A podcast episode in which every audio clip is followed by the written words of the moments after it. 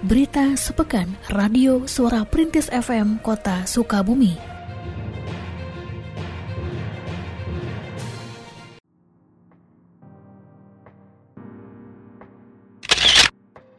Berbagai elemen di antaranya organisasi keagamaan seperti Persis, Muhammadiyah, serta Pemuda Pancasila dan Bang Japar, Kebangkitan Jawara dan Pengacara melaksanakan aksi solidaritas untuk Palestina pada hari Minggu 23 Mei 2021 bertempat di Lapang Merdeka, Kota Sukabumi. Hadir pula pada kesempatan tersebut Wali Kota Sukabumi, Ahmad Fahmi, Kapolres Sukabumi Kota, dan DIM 0607, dan para ulama Kota Sukabumi. Ketua Pelaksana Kegiatan, Budi Lesmana, yang membacakan ikrar dan janji setia warga Sukabumi Raya menjaga Baitul Maqdis menyatakan bahwa sesuai dengan komitmen pada pembukaan Undang-Undang Dasar 1945, masyarakat Sukabumi Raya mengutuk keras tindakan Zionis Israel kepada bangsa Palestina. Dalam kegiatan ini terkumpul donasi untuk Palestina sejumlah 70 juta rupiah. Dalam sambutannya, wali kota menegaskan bahwa setiap muslim semuanya bersaudara dan berkumpulnya masyarakat kota Sukabumi merupakan bukti kecintaan warga Sukabumi kepada saudara mereka di Palestina. Ia juga menegaskan bahwa rakyat Sukabumi mendukung dan memperjuangkan kemerdekaan rakyat Palestina sesuai dengan arahan Presiden pertama Republik Indonesia, Insinyur Soekarno. Ia juga menghimbau kepada masyarakat Sukabumi dalam rangka solidaritas menyisihkan sebagian harta berdonasi untuk membantu Palestina. Tentunya saya bersyukur hari ini warga Sukabumi dan sekitarnya melaksanakan aksi kepedulian ini. Saya yakin ini adalah bentuk bagaimana kecintaan kepada saudara-saudara kita di Palestina yang saat ini sedang mendapatkan agresi dari Israel. Dan Alhamdulillah bersyukur juga kegiatan kali ini semuanya dalam keadaan aman, kondusif, termasuk juga tadi tidak berkerumun terlalu. Pak, pemerintah juga kan melakukan donasi ya Pak? Ya. Sampai sejauh ini seperti apa? Jadi kami pemerintah Kota Sukabumi juga melaksanakan donasi. Kami memobilisasi para ASN dan juga seluruh warga masyarakat. Dan alhamdulillah di hari yang keempat ini donasi yang terkumpul cukup banyak. Insya Allah nanti akan terus yang langsung kita berikan kepada KNRP yang kita sudah bekerja sama dengannya. Mempercepat dan mempermudah vaksinasi COVID-19 bagi lansia, Dinas Kesehatan Kota Sukabumi memberdayakan 11 puskesmas sebagai sentra vaksinasi.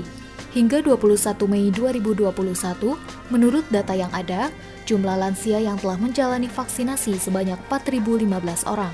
Adapun 11 puskesmas tersebut adalah Puskesmas Sukabumi, Sukakarya, Pabuaran, Benteng, Cikundul, Ciberem, Baros, Karangtengah, Selabatu, Cipelang, dan Citamiang.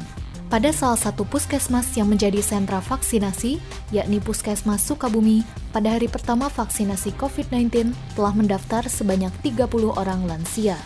Kepala Puskesmas Sukabumi, Dr. Syarifah Nur, menjelaskan bahwa di wilayah kerja Puskesmas Sukabumi, ditargetkan vaksinasi COVID-19 dapat diikuti oleh 100 orang lansia perharinya.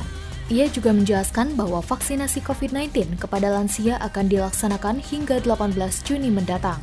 Terkait kasus COVID-19 yang terjadi di wilayah Puskesmas Sukabumi, menurut Kepala Puskesmas Sukabumi, saat ini terjadi penurunan kasus. Ia juga menilai kesadaran masyarakat untuk mengikuti vaksinasi COVID-19 di wilayahnya cukup tinggi. Nah, sasaran kita ini sih uh, kita tiga kelurahan ya, Cisarua, Sebanjaya sama Kujati. Jadi kita mendekat masyarakat sebenarnya. Tapi mungkin uh, ada sebagian juga yang belum terinformasi, mungkin makanya titip diinformasikan juga ke semuanya. Melalui kecamatan sudah, melalui kelurahan sudah, kader sudah, RT RW sudah. Tapi hari ini tadi ada 30 orang ya, 32 orang yang divaksin itu ada 20 karena yang 9 itu uh, tertunda karena ada sakit ada batuk lagi batuk kemudian ada yang lagi hipertensi ada yang CA kolon jadi tunggu rujukan dulu nanti kemungkinan minggu depan dia akan divaksin. Untuk gitu sebenarnya 100 orang ya sehari gitu. Karena kan lansianya kita ada 3.300an kalau untuk uh, Sukabumi. Saya wilayah puskesmas Sukabumi Ahmed Maula, anak berusia 11 tahun warga Jalan Sikip, Kelurahan Nanggeleng yang hilang selama 44 hari, akhirnya berhasil ditemukan pada hari Senin, 24 Mei 24 Mei lalu bersama pelaku penculiknya di Tangerang. Saat ditemukan, Ahmed terlihat kotor karena diduga dijadikan pemulung selama diculik oleh B alias Wagimbal. Melansir dari berbagai media, Kapolres Sukabumi Kota AKBP Sumarni dalam konferensi persnya pada Selasa 25 Mei 2021 menjelaskan bahwa pelaku dan korban berhasil diamankan pada Senin petang. Salah satu langkah selanjutnya yang akan dilakukan oleh Polres Sukabumi Kota adalah mendalami motif penculikan. Dijelaskan pula bahwa pelaku dan korban sudah saling mengenal, bahkan pelaku beberapa kali mendatangi rumah korban. Diberitakan sebelumnya, Ahmed Maula hilang sejak 11 April lalu. Hilangnya Ahmed Maula menarik perhatian banyak pihak, di antaranya para warganet yang ikut membantu upaya pencarian melalui media sosial. Sementara itu, Wali Kota Sukabumi, Ahmad Fahmi, dalam rapat koordinasi penolakan keberadaan geng motor dan aksi berandalan motor di Polres Sukabumi Kota pada selasa siang menyatakan rasa syukur dan apresiasinya kepada jajaran Polres Sukabumi Kota yang telah berhasil menemukan Ahmed Maula. Saya ingin mengucapkan terima kasih kepada Ibu Kapolres dan seluruh jajaran Polres Sukabumi Kota, Pak Waka, para BJU, yang Alhamdulillah semalam kita mendapatkan berita gembira ada anak warga kota Sukabumi yang diculik. Sudah dua bulan ini diculik. Alhamdulillah semalam Polres Sukabumi Kota berhasil menemukan anak tersebut. Dan kita bersyukur eh, anak tersebut sekarang sudah semalam jam 12 malam ya ya sudah diserahkan kepada keluarga dan hari ini sedang mendapatkan penanganan dari sisi kesehatan. Kita periksa kondisi kesehatannya, kondisi mental, mental dan psikologisnya. Mudah-mudahan karena ya dua bulan dalam kondisi diculik jauh dari orang tua mudah-mudahan secara mental kita doakan sang anak juga tidak terganggu secara psikologisnya. Badan Siber dan Sandi Negara atau BSSN mengapresiasi komitmen pemerintah Kota Sukabumi dalam pemanfaatan sertifikat elektronik. Hal tersebut disampaikan oleh perwakilan Badan Siber dan Sandi Negara dalam sambutannya pada penandatanganan kerjasama pemerintah Kota Sukabumi dengan BSSN mengenai pemanfaatan sertifikat elektronik pada hari Rabu 26 Mei 2021 di Hotel Balkoni Sukabumi. Dijelaskannya bahwa penggunaan sertifikat elektronik atau tanda tangan elektronik memberikan banyak manfaat seperti mendukung transformasi digital dan memudahkan penandatanganan banyak dokumen. Dijelaskan pula bahwa tanda tangan digital yang memuat identitas digital sangat dijaga keamanannya.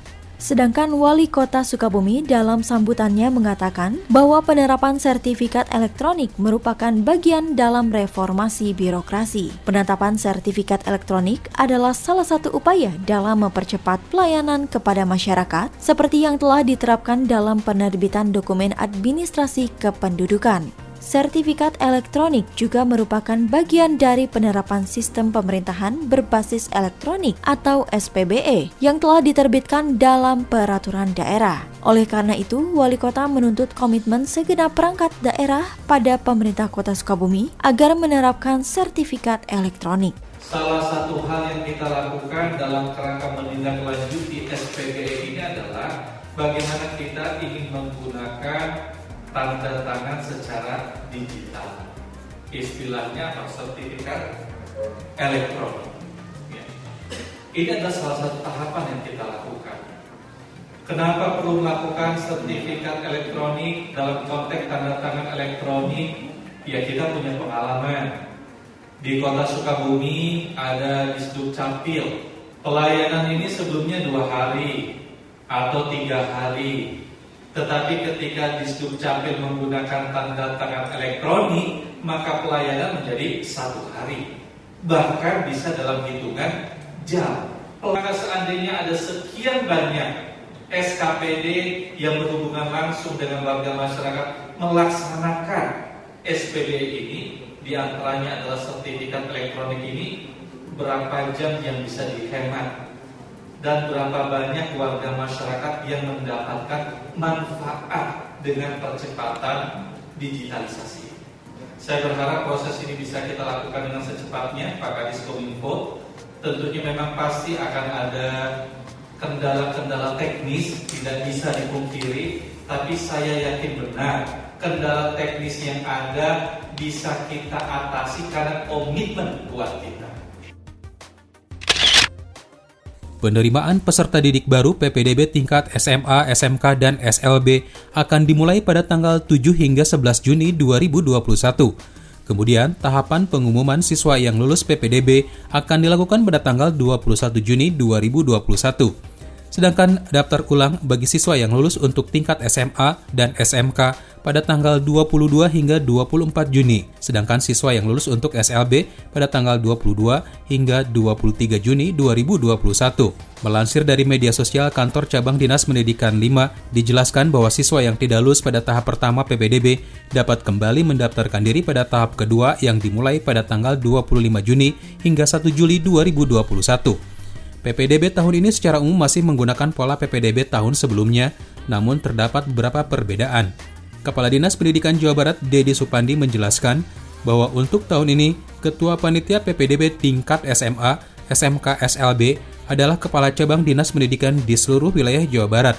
Kemudian perbedaan lainnya adalah disertakannya sekolah swasta dalam PPDB dan penyertaan nilai raport siswa dari semester 1 sampai 5. Perbedaan pertama adalah dari kepanitiaan.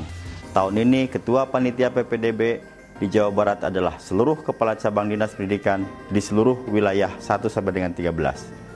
Kita akan pantau pelaksanaan PPDB nanti dengan melakukan roadshow. Jika ada permasalahan, kita akan langsung cepat mengambil langkah-langkah yang solutif.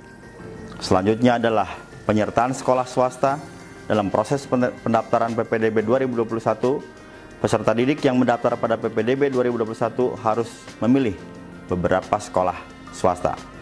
Kami sampaikan evaluasi tahun kemarin hanya 41,5 persen siswa SMP dan MTS di Jawa Barat yang diterima di sekolah negeri. Tahun ini saya harap pihak swasta bisa masuk dalam sistem dan pola PPDB. Selain itu, salah satu persyaratan PPDB di 2021 adalah penyertaan nilai rapot dengan melampirkan nilai rapot siswa dari semester 1 sampai dengan semester 5. Perbedaan lainnya adalah jalur masuk bagi siswa atau anak berkebutuhan khusus. Jika tahun lalu kuota ABK masuk dalam jalur zonasi, maka tahun ini kuota tersebut kita masukkan dalam jalur afirmasi. Palang Merah Indonesia mendorong pentingnya pelibatan partisipasi masyarakat dalam menjalankan pelayanan dan program PMI saat ini. Hal tersebut diungkapkan jajaran PMI Pusat di sela pendampingan kegiatan pelibatan masyarakat dan akuntabilitas atau Community Engagement and Accountability pada hari Sabtu tanggal 29 Mei 2021 bertempat di Kelurahan Baros. Aulia Aryani, Vokal Finance PMI Pusat menjelaskan bahwa menempatkan masyarakat penerima manfaat sebagai sasaran utama dari pelayanan dan program PMI dalam pendekatan pelibatan masyarakat dan akuntabilitas. Hal tersebut digunakan dalam melalui komunikasi dan partisipasi dalam siklus program atau pelayanan PMI, salah satunya dengan membuka pelayanan hotline bagi masyarakat, khususnya dalam upaya informasi terkait program kegiatan kesiapsiagaan bencana gempa bumi yang saat ini dilaksanakan oleh PMI Kota Sukabumi. Sedangkan petugas hotline ini nantinya akan memberikan informasi serta mencatat dan menampung saluran umpan balik di masyarakat baik yang memberikan masukan, keluhan, dan berbagai pertanyaan-pertanyaan terkait pelayanan PMI saat ini. Dalam pembekalan kegiatan ini diikuti oleh peserta dari berbagai kelompok masyarakat, baik tokoh masyarakat, lansia, ibu hamil, serta perwakilan dari kelompok disabilitas yang ada di wilayah program di Kelurahan Baros. Jadi hari ini kita mengumpulkan teman-teman SIBA dan teman-teman uh, dan perwakilan dari masyarakat ya untuk sosialisasi tentang program uh, penguatan rumah aman gempa gitu. Karena mungkin beberapa masyarakat itu belum ada yang tahu lah, belum ada yang paham tentang apa ini program. Dan di sini juga selain kita sosialisasi tentang programnya itu sendiri, kita juga menanyakan kepada masyarakat apakah uh, mereka sudah pernah mendengar ini dan jika mereka ada pertanyaan terkait dengan program itu apa saja yang mau mereka tanyakan gitu. Dan ketika kita ingin menyampaikan informasi tentang program retrofitting ini mereka nyamannya kita sampaikan informasinya melalui media apa gitu. Kenapa kita lakukan itu? Supaya kita dapat berbagai masukan dari masyarakat. Kalau kita banyak dapat masukan dari masyarakat nanti maka kita jadi tahu apa kebutuhan mereka terhadap program ini dan apa yang bisa kita dari dari program ini. Nah, itulah tujuan uh, kegiatan kita hari ini. Pemerintah pusat mempersilahkan pemerintah daerah untuk membuka sekolah jika telah memiliki kesiapan yang cukup.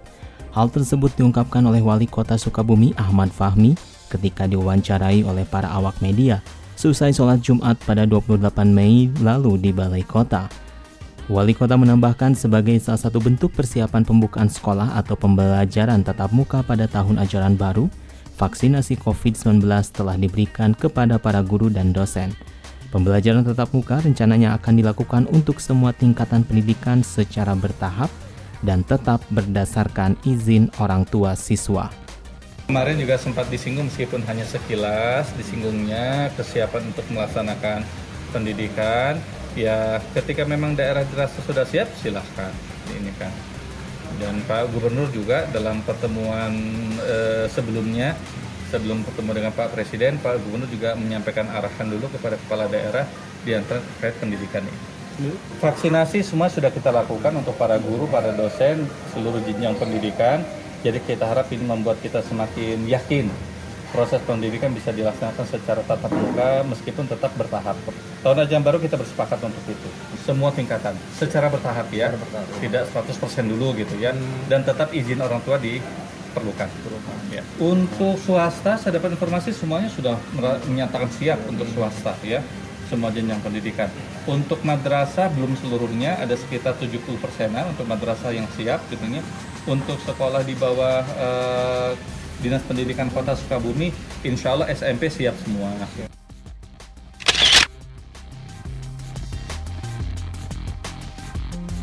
Berita sepekan Radio Suara Perintis FM Kota Sukabumi.